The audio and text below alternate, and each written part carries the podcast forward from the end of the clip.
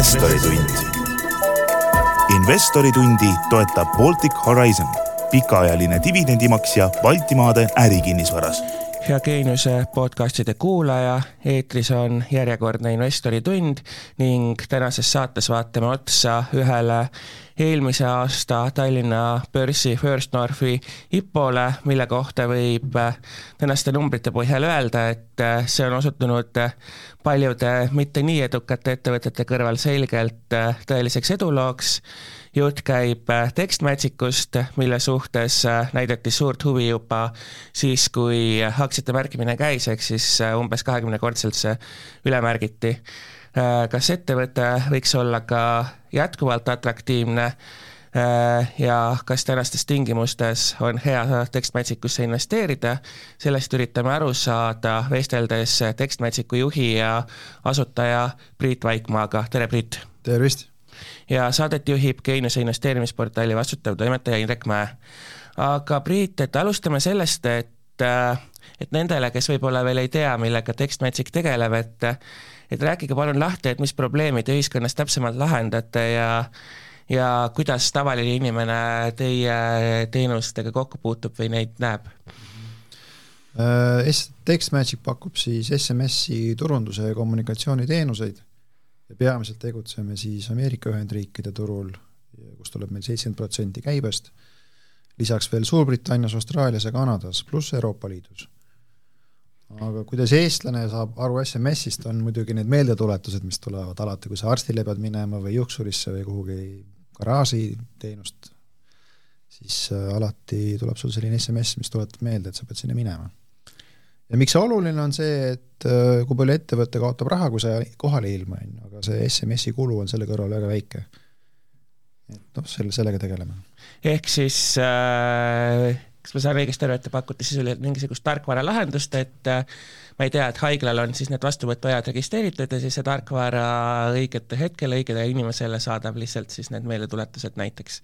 jaa, see, see on üks näide, kuidas meie teenust kasutatakse, aga noh, tegelikult see reaalne maht tuleb ikkagi turunduskampaaniatest, kus on sul tuhandeid äh, SMS-e vaja saata, et noh, see on nagu see, kus meie raha teenime tegelikult siin kohapeal kohe, kui te mainite turundust, tekib, äh, tekib see küsimus, et et hästi palju kasutatakse täna juba ka erinevaid uudiskirju ja sotsiaalmeediat ja nii edasi, et et, et kas SMS-id nii-öelda vananev äri juba ei ole? ma arvan, et võib-olla inimestevahelises suhtluses on jah, populaarsemaks saanud mingi Whatsapp ja Facebook Messenger, aga ärisuhtluses SMS on hetkel ikkagi asendamatu, eriti Ameerikas. Ja mis SMS-i puhul veel on hea, on, et ta on nagu kahepoolne suhtluskanal et äh, kui sul on mingi kampaania, eks ju, sobib, sa saad ka SMS-i kaudu kohe ka vastata, et jah, soovin lisainfot, et räägime edasi. Ameerikas väga palju ongi sellist suhtlust meil kahepoolset kui mõelda, mõelda sellele nii-öelda SMS-teenuste äh, turule, et siis kohe tuleb tegelikult meelde äh, Twilio Eesti haru näiteks, kes pakub ka tegelikult USA-sse ja kes, kelle peakontor on, on San Franciscos, et et turud nagu tunduvad natuke sarnased ja nii edasi, et mida te neist paremini teete või, või kui palju te konkureerite nendega või kui palju nii-öelda see teenus nii-öelda lõikub? tänapäeval on see SMS-i äri Twilio ärist üks, üks osa ma ei tea, kas kui suur protsent, aga Twilio tegeleb nüüd ka emaili teenustega ja ostsid ära segmendi. et selles mõttes jah, meil on üks väike kattuv osa Twilioga, aga otseselt äh, me ei ole üldse võrreldavad, sest äh, meie tegeleme, eks ju, Ameerikas väikeettevõtetega, kellele pakume sellist lihtsat tarkvaralahendust sõnumite saatmiseks, vastuvõtmiseks, Twilio on nagu suur korporatsioon, kus töötab vist juba üheksa tuhat inimest meil on alla kaheksakümne inimese.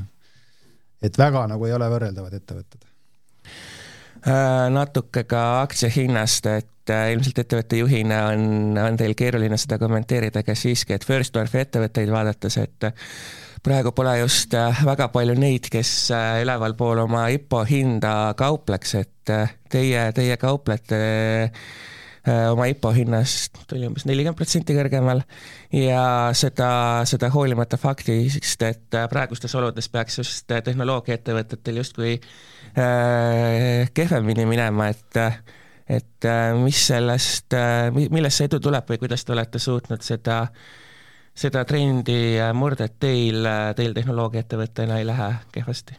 võib-olla sai meie IPO õigesti hinnastatud, et me ei tulnud liiga kallilt turule, eks, ja selle, selle tõttu ma arvan, et ongi see hind püsinud. ja kui me vaatame nüüd äh,, USA-s on olemas see cloud index, eks ju, et mis see keskmine ettevõtte väärtus on, seal ongi neli ja pool korda käive. et meil on hetkel, kui me räägime selle aasta käibest, on circ-, prognoos on kolmteist koma seitse miljonit prognoos, eks ju, see teeb, ja turuväärtus on kuskil kuuskümmend, ehk siis äh, teebki neli ja pool korda käive, eks ju, võiks meie, on meie väärtus. et noh, üldiselt võib sellega rahule jääda nagu, et äh, kui siit madalamal hakkab minema, siis jah, on väike mure juba, et äh, aga hetkel tundub, et see hind kuskil seitsme ja kaheksa vahel püsib hetkel ehk siis praegu on teie ettevõte justkui õiglaselt hinnastatud, et, et pole liiga odav ja pole liiga kallis? jah, ma arvan nii, jah. Äh, kas äh, kui noh, kui nii-öelda riskide peale natukene, natukene mõelda, et et noh, makromajanduslikud, makromajanduslik pilt on ikkagi üsna kehv, et seda mõjutavad sõda, seda mõjutab inflatsioon, intressid tõusevad, investorite kindlustunne langeb ja nii edasi ja nii edasi, et et kuivõrd mõjutavad need teie ärisid, et mainisite siin USA ja Kanadat, et, USA-s on see intresside tõus veel eriti jõuline ja nii edasi? Äh, kuna suur osa meie käibest toimub äh, USA dollaris, siis äh, see on natuke meid aidanud, et kuna raporteerime eurodes, siis see nagu tekitab meile lisakäivet, eks, et kuna USA dollari tugevus nagu mõjub meile. aga hetkel noh, midagi on tunda vaikselt, aga USA turg on niivõrd suur, et et neid uusi kliente meile tuleb pidevalt peale ja usun, et kas on, võib-olla õnnestub meil aasta kasv kolmkümmend protsenti ära teha ikkagi, et see on meie praegune, praegune fookus teades, et hinnad tõusevad, et äh, ilmselt seoses hindade tõusuga on ka ma ei tea, palgasurve, teie teised sisendhinnad või ma ei tea, teenused, mida sisse osta ja nii edasi, muutuvad kallimaks, et et kas see kõik õnnestub teil ka oma klientidele omakorda edasi kanda? hetkel me ei ole hindasid tõstnud ja ilmselt äh, pääseme ka sellest sammust, et me ei pea tõstma hinda, sest äh, meil tegelikult seda marginaali on. Kui me vaatame meie globaalset marginaali, on siis ligi seitsekümmend protsenti. ehk siis noh, ruumi on nagu nii-öelda seda samas meie nii-öelda need teenusepakkujad ei ole ka väga hindu tõstnud hetkel. ehk siis telekomi maailmas mina ei tunne, et keegi hindu oleks tõstnud üldse. pigem on ikkagi mingid muud tooted, eks ju, mis tõusevad.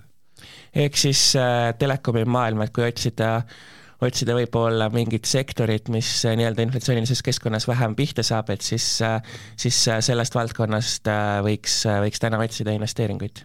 just küll, jah teie bilanssi vaadates, et äh, siis äh, teil on äh, varad valdavalt immateriaalsed ja ja ning teie kallimaks varaks on tarkvara, et et äkki te räägite, et mis selle tarkvara alla täpselt kuulub ja ja kuidas, kuidas te nii-öelda olete selle hinnani jõudnud või kuidas nii-öelda imma-, immateriaalset põhivara nii-öelda hinnatakse või, või kuidas see käib? no see, kogu see asi tekkis meil siis, kui me seda ettevõtte restruktureerimist tegi, tegime. ehk moodustasime seda uut aktsiaseltsi, mis me siis börsile viisime. et seal olid erinevad konsultandid, eksperdid, raamatupidajad, audiitorid koos tegid selle projekti ja selline see nii-öelda väärtus tekkis seal, et meil on tegelikult ju kaks kaubamärki ja kaks erinevat tarkvaraplatvormi, on siis TextMagic ja Touchpoint et need kokku pannes tekkiski nagu see väärtus ja nüüd vaikselt amortiseerime seda väiksemaks nagu äh,. selgitage palun, et äh, TextMagic ja Touchpoint, et äh, et äh, mis need täpsemalt teevad, mille poolest nad üksteisest erinevad, kuidas nad nii-öelda teile raha majja toovad? hetkel Touchpointil ei ole veel ühtegi klienti, sest me ei ole seda toodet veel turule toonud oleme vaikselt alustanud äh, turunduskampaaniaga, et see nii-öelda kodulehekülg on väljas juba, peame seal blogi, et võimalik on teha see nii-öelda, nii-öelda noh, panna oma email sinna kirja, et kui toode tuleb välja, siis saab seda osta. tegemist on siis sellise mm, kuidas seda nüüd eesti keeles, customer engagement platvorm, et klientide kaasamise platvorm siis või? Et äh, paneme seal kokku kolm erinevat valdkonda, on siis kliendi tugi, müük ja turundus, et äh, sisuliselt on seal koos siis Zendesk, Pipedrive ja MailChimp, sellised baasasjad, et sa saad äh, klientidele ma ei tea, emaile hallata, eks ju, seal kui klient saadab päringu, sa saad vastata, saad diile, tehinguid seal hallata ja saata ka turun-, emaili turunduskampaaniaid, pluss SMS-kampaaniaid ehk selline kolm, kolm asja ühes. Äh, teie kasv peegeldub ka selles, et äh, teie meeskond on äh, pidevalt nii-öelda kasvamas, et palkate uusi inimesi juurde, et et siin jällegi tuleb paratamatult Twilio paralleel, et Twilio on ka viimasel ajal kiiresti kasvanud ja nüüd nad hiljuti teatasid, et üksteist protsenti töötajatest või sinnakanti, et, et koondavad ja et põhjuseks oligi äh, liiga kiire kasv, et äh, et kuidas teie, teie neid riske maandate või kas teid ei ohusta liiga kiire kasv? Twilio kaotab aastas miljard dollarit, saab kahjumit. ja Twilio aktsia on kukkunud ligi kaheksakümmend protsenti ühe aasta jooksul. Ja nendel on tugev surve, eks ju, tõsta oma kasumlikkust kuidagi ja parandada. nüüd said lõpuks aru, et nad värbavad liiga kiiresti ja noh, see sööb kogu kasumi ja raha ära, mida nad saavad, eks ju. aga meil on nagu praegu me oleme kasumis, marginaalid on väga head ja pigem on häda selles, et meil ei jää piisavalt kiiresti inimesi, meil on vaja, eks ju, touchpointi arenduseks no kümneid tarkvaraarendajaid ja hetkel tegutseme, noh Eestist on, meie algne plaan oli see, et me toome, eks ju, Venemaalt, Ukrainast ja Valgevenest toome siia Eestisse elama, eks ju, arendajad seoses selle sõjaga läks see plaan nagu luhta ja nüüd on meil enamus arendajad on ikkagi kaugtöö peal. otsime SRÜ riikidest, igalt poolt, kus võimalik, Armeeniast, Gruusiast, igalt poolt, isegi vist Türgis on meil paar inimest juba. Et selles mõttes äh, meie pigem võtame juurde, et meil ei ole vaja koondada. Aga kui teil äh, nii-öelda oleks võimalik palgata nii palju tööjõudu, kui teil vaja on, et kas see, selles mõttes, et see nii-öelda põhimõte, et äh, soovite olla kasumis ja et kasumi arvelt või et noh, et ka, et ka kiire kasvu nimel kahjumisse ettevõtjat ei lase, et kas see on nagu mingi fundamentaalne põhimõte, mida te jälgite või tuleb see praegu lihtsalt sellest, et et lihtsalt ei olegi võimalik võib-olla nii kiiresti kasvada, et seda raha lihtsalt ei olegi võimalik edasi investeerida hetkel? Ehm, no tegelikult me saaks turundusse, eks ju, rohkem panna raha. aga pigem see pudelikael on jah, see, et arendajad ei leia piisavalt kiiresti ja ei ole ka seda jaksu nagu väga seda nii-öelda pipeline'i suurendada, et äh, ei jõua ju kõiki intervjueerida ja nii edasi. aga pigem on see, et ei ole nagu seda mm, kandidaatide mahtu. Kui nüüd äh, keegi seda saadet mõtleb ja ja kui saadet kuuleb ja mõtleb, et, et võib-olla tal oleks oskusi, keda te kõige rohkem otsite, ma saan aru, et tarkvarainseneritest käib jutt, mis oskusi te hindate, kes on need inimesed, keda, keda te oma meeskonnas näete? hetkel on kõige suurem puudus meil front-end ja back-end arendajatest, sest meil on hetkel töös kaks suurt projekti, on siis TextMagicu uue platvormi arendus, et see front-end läheb siis täiesti nagu single page application'i peale, ehk siis töötab nagu mobiiliäpp, eks ju, brauseris. et siin on vaja arendajaid ja lisaks Touchpointi on meil, ma arvan, vaja kuskil kakskümmend, kolmkümmend arendajat juurde, ehk siis pooleks front-endi back-endi arendajaid. et äh, pigem jah, seal on nagu see probleem meil hetkel. saan aru, et äh, kuna teil äh, rahaga on hästi, ettevõte on kasumis ja kasumiprognoose on tõstetud, et siis uut kapitali teil niipea kaasata pole vaja ja ja nii-öelda tekstmatch'iku uusi, uusi aktsiaid äh, märkimiseks äh, niipea oodata ei ole mm,? mitte enne, kui on selgunud, et kuidas meil touchpointiga läheb. et kui see on selgunud, siis vaatame, mis vajadused meil on äh,. rääkisite, rääkisite nii-öelda tööjõupuudusest, et et äh, kui vaadata seda nii-öelda laiemas pildis, et, et kust see tuleb, kas, äh, kas Eesti haridussüsteem teeb midagi valesti, miks, äh, miks meil ei ole arendajaid, et olete ka tegelikult pannud õla alla Jõhvi eraalgatuslikule koolile, mis siis nii-öelda IT-inimesi peaks tootma, et et, et, et kas see peakski olema suurem eraettevõtjate initsiatiiv, kas riik saaks midagi teha, kuidas seda nagu probleemi Eestis lahendada? ma arvan, et probleem on selles, et väga palju on tehnoloogiaettevõtteid tekkinud ja kõigil on korraga tööjõudu vaja. et kes seda oskas ette näha aga ma arvan, et enamus äriplaanid on ikkagi tehtud selle peale, et tuua inimesi sisse. ega siin Eesti ju väga noh, ei ole neid inimesi, ei tule juurde piisavalt ja ma arvan, et enamus nii-öelda värbamisplaanid ongi tehtud ju ikkagi inimeste sissetoomise peale. Euroopa Liidust, igalt poolt ja noh, Ida-Euroopast, SRÜ riikidest, ma arvan, et see on tegelikult see lahendus, sisse tuua lihtsalt.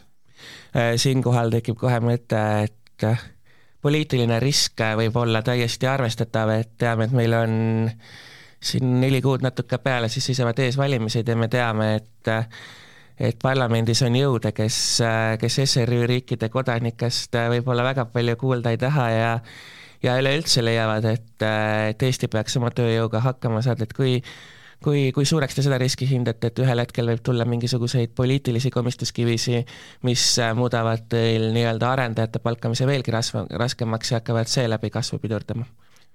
ma arvan, et siis võib juhtuda lihtsalt see, et osa firmasid pakib siin kokku ennast ja läheb äh, kuhugi mujale, kus on paremad tingimused. et selles mõttes on ju ka konkurents, et äh, ettevõtete peakontorid lähevad sinna, kus on võimalik tegutseda. kui keegi hakkab takistama inimeste toomist, siis järelikult võib, võib kogu kupatusega kokku pakkida siit ära minna. kas täna on hea keskkond, äh, kas täna on nii-öelda hea regulatiivne keskkond selleks, et äh, et täiendavalt väljastpoolt äh, IT-sektorisse teile vajalikku tööjõudu palgata? Jaa, olen kuulnud erinevad startup viisad, eks ju, Eestis optsioonide väljaandmise seadusandlus on piisavalt hea hetkel, et ma arvan, et et äh, seaduste mõttes mingit takistust ei ole hetkel. Äh, raha kaasamisest veel rääkides, et äh, kas ühel hetkel võib juhtuda, et et valite kapitali kaasamiseks ka mõne muu turu, teatavasti täna olete First Northil, aga et on see siis põhinimekiri Tallinnas või, või mõni, mõni muu nendest turgudest, kus te ise tegutsete ja juba täna tuntust kogute? ma arvan, et me teeme selle aasta lõpuni First Northil ja järgmisel aastal otsustame, kuhu me tahame edasi liikuda. ma arvan, et äh, põhiturule liikumine tuleb ka kõne alla peatselt. kas äh, täna on äh, investoritelt hea hetk üleüldse raha kaasata või, või ongi, et te vaatategi nii-öelda pigem targalt, et kuna teil nii-öelda karjuvat rahavajadust ei ole, et siis ootate head hetke, kuna nagu parem, paremini saaks, saaks täiendavat emissiooni hinnastada või või, või kuidas tundub, et kaua sellega aega võib minna, et, et investorid oleks valmis taas investeerima? Õnneks oleme praegu väga heas seisus, raha meil on piisavalt, et me ei pea tingimata nüüd hakkama järgmine kuu raha kuskilt otsima. et kui meil oleks selline olukord, siis oleks väga karm, sest ega ju vaadates neid viimaseid emissioone, ega siis keegi, ükski neist täis pole saanud, eks ju. viimane oli Bergmani emissioon, mis märgiti ainult osaliselt täis, samamoodi Delfin Grupp äh, müüs aktsiaid ka ainult väga väike osa märgiti täis.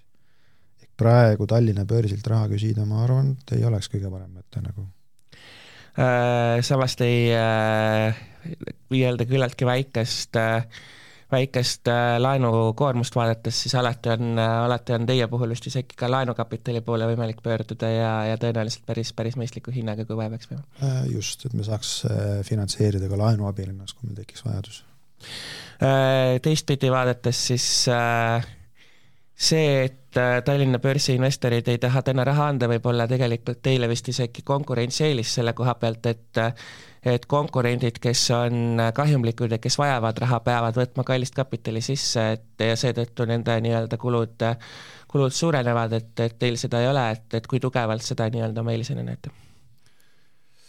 Mm, no praegu ma ütleks, et et eh, ega kui vaadates neid kauplemiskäibeid, eks ju, siis pigem ma arvan, et inimesed hoiavad raha lihtsalt sularaha endale arvel, et keegi väga börsil vist siin ei toimeta hetkel, aga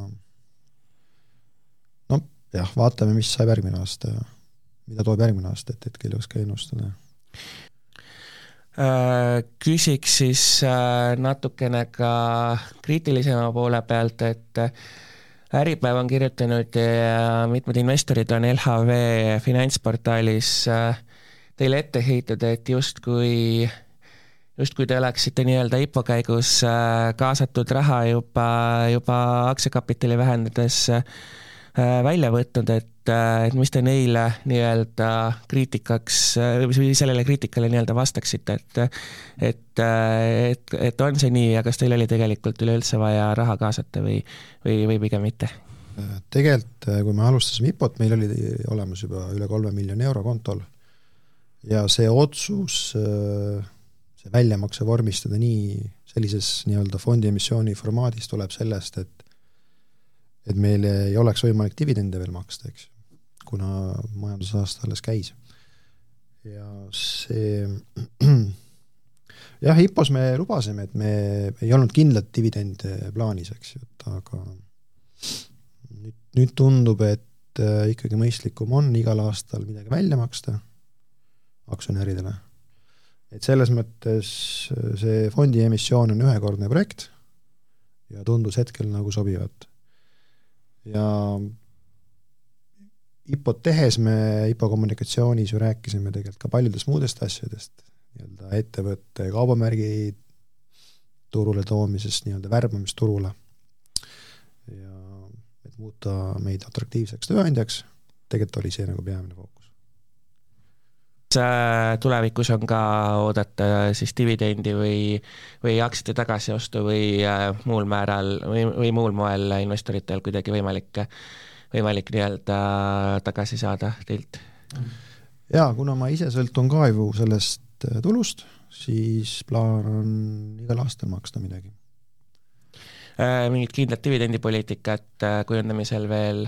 ma arvan, me teeme selle aasta lõpuni ja vaatame kui suur see kasum täpselt tuleb ja teeme prognoosid ja siis võib-olla saame midagi välja lubada nagu.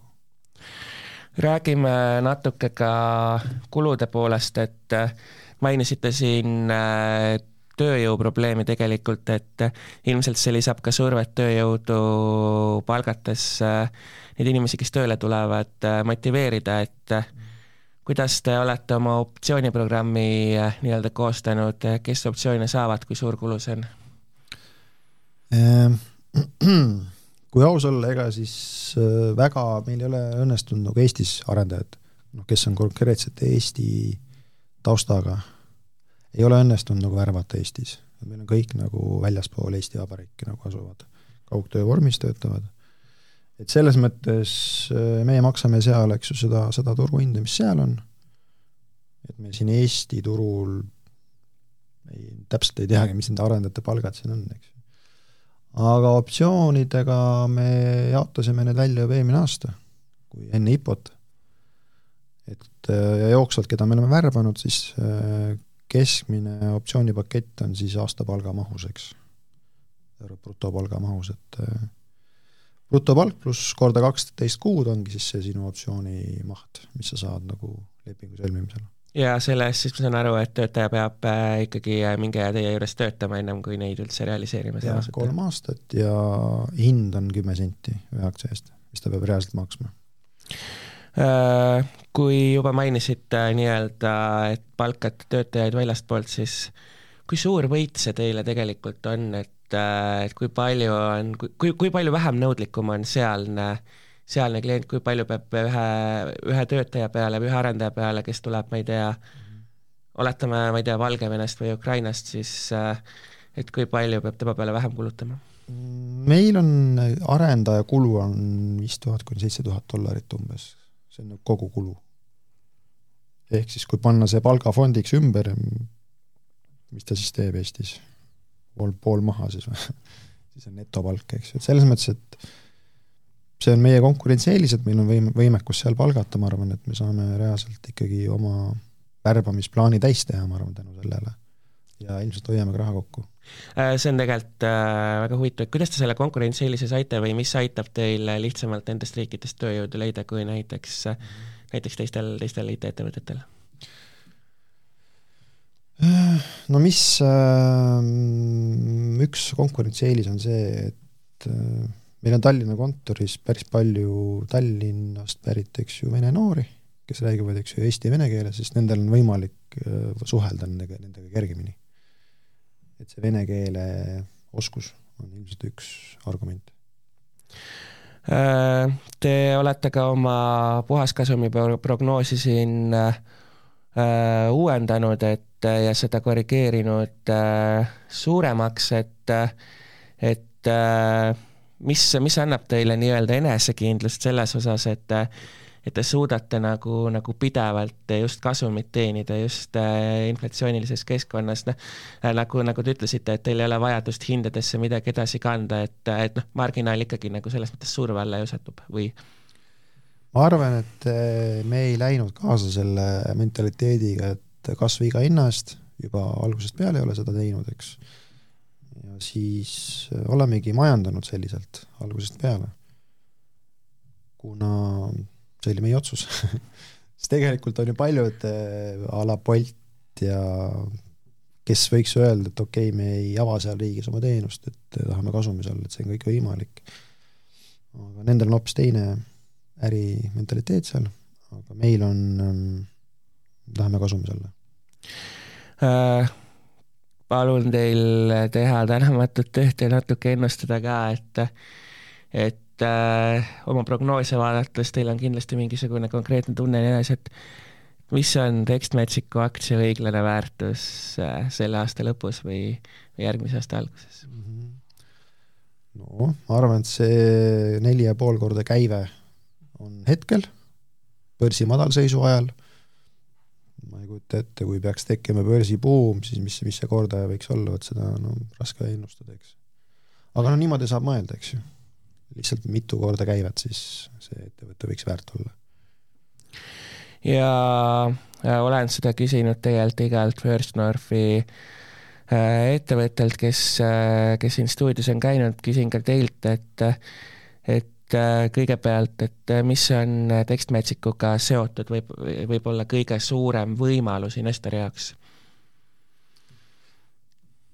hetkel ma näen seda, et äh, Touchpoint et kui see toode, nii-öelda SaaS tarkvaratoode meil õnnestub äh, edukalt välja tuua, me lööks sellega Ameerikas läbi, siis ma arvan, et see võiks olla nagu väga suur ja kiire kasvumootor meie ettevõttele. mina näen nagu seal võimalust. Äh, kui lihtne või keeruline on äh, ennast Ameerika turul üleüldse tõestada seal nii-öelda uue tootega jalg ukse vahele saada, näidata, et teil on päriselt äge asi, et, et kui palju energiat see võiks võtta või kui palju aega see võiks võtta? Äh, see, seda saab äh, vaadata niimoodi, et sõltub, kuidas sa müüd ennast. Kui sul on vaja reaalselt äh, müügimehi kaasata, siis on nagu keeruline Ameerikas läbi lüüa. aga kui su toode on selline, mille klient leiab Google'ist ise üles, teeb demokonto ja testib seda, proovib ja hakkab reaalselt ise maksma. et niimoodi me oleme TextMatchikut ehitanud ja viime samamoodi ka Touchpointi sinna turule, et äh, teeme seda otsingumootori promotsiooni, sotsiaalmeedia reklaami, Google Adsi, midagi sellist, et plaan on Touchpoint siis niimoodi viia USA turule. pluss on meil ju tegelikult olemas Tex, suur TextMagicu kliendibaas, kellele me saame pakkuda seda toodet kui nii-öelda upgrade'i võimalust, et äh, minge touchpointi peale, kus on rohkem võimalusi. see on üks idee. Kui, äh, et lihtsalt nagu ajalist orientiiri saada, siis, äh, siis palun markeerige ära, et kui kaua teil on võtnud aega, et TextMagicuga täna sinna jõuda, jõuda, kus te olete, et ei tea, et mis teie kliendibaas on ja kui, kui, kui kaua see on aega võetud, et see kliendibaas sinnani kasvatada? mina liitusin TextMagicuga kaks tuhat seitse aastal, kuukäive oli siis vist kümme tuhat eurot. praegu on üks koma kaks miljonit eurot vist kuus. Et äh, tegelikult võtab kaua aega, see ongi võib-olla see probleem, et kui sa tahad kasumlikult kasvada, siis see kõik võtab kaua aega. et ähm, aga nüüd Touchpointiga seoses on meil see turu potentsiaal suurem, ehk ma loodan sealt äh, kiiremini tulemusi näidata kui teeks Magicuga Äh, riskist ka kõigepealt seoses siis sellesama touchpointiga, et kui, kui midagi peaks valesti minema, selle lansseerimine nii-öelda ei äh, õnnestu, nii nagu te olete ette läinud, et kui, äh, kui suur kahju see tänasele, tänasele investorile sel juhul nii-öelda olla võib, et või, või, või läheb kõik siis tekstmatsikuga samas, samas joones edasi, nagu on läinud ja tegelikult lihtsalt siis see võib-olla kasvuhüpe on laugem, aga nagu kadu otseselt ei ole või kuidas see siis nagu välja tulemustes peaks nägema? me ei ole prog-, prognoosidesse kaasanud veel Touchpointi võimalikku käibeid.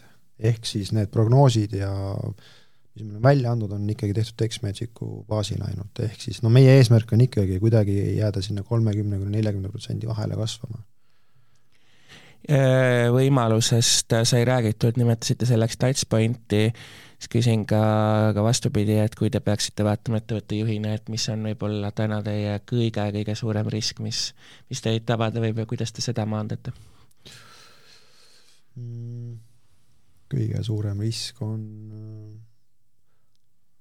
noh, et kõik erinevad arendusprojektid võtavad kauem aega kui arvatud. ja IT-maailmas on see tavaline, et kui on alaehitusprojekt või ehitusregister, Haigekassa, ükskõik mida nad teevad, eks ju, et need arendused võtavad kaua aega. aga noh, loodame, et meil õnnestub ikkagi kaks tuhat kakskümmend kolm touchpoint välja tuua ja siis hakata juba aru saama, et kuidas kuidas tal läheb turul nagu. selge, aga suured tänud, äh, Tekstmagicu juht äh, Priit Vaikmaa täna selle intervjuu eest ning, äh, ning palju edu teile siis, siis kasvamisel ja Touchpointi lansseerimisel. aitäh! ja investori tund on eetris taas nädala pärast, kuulmiseni!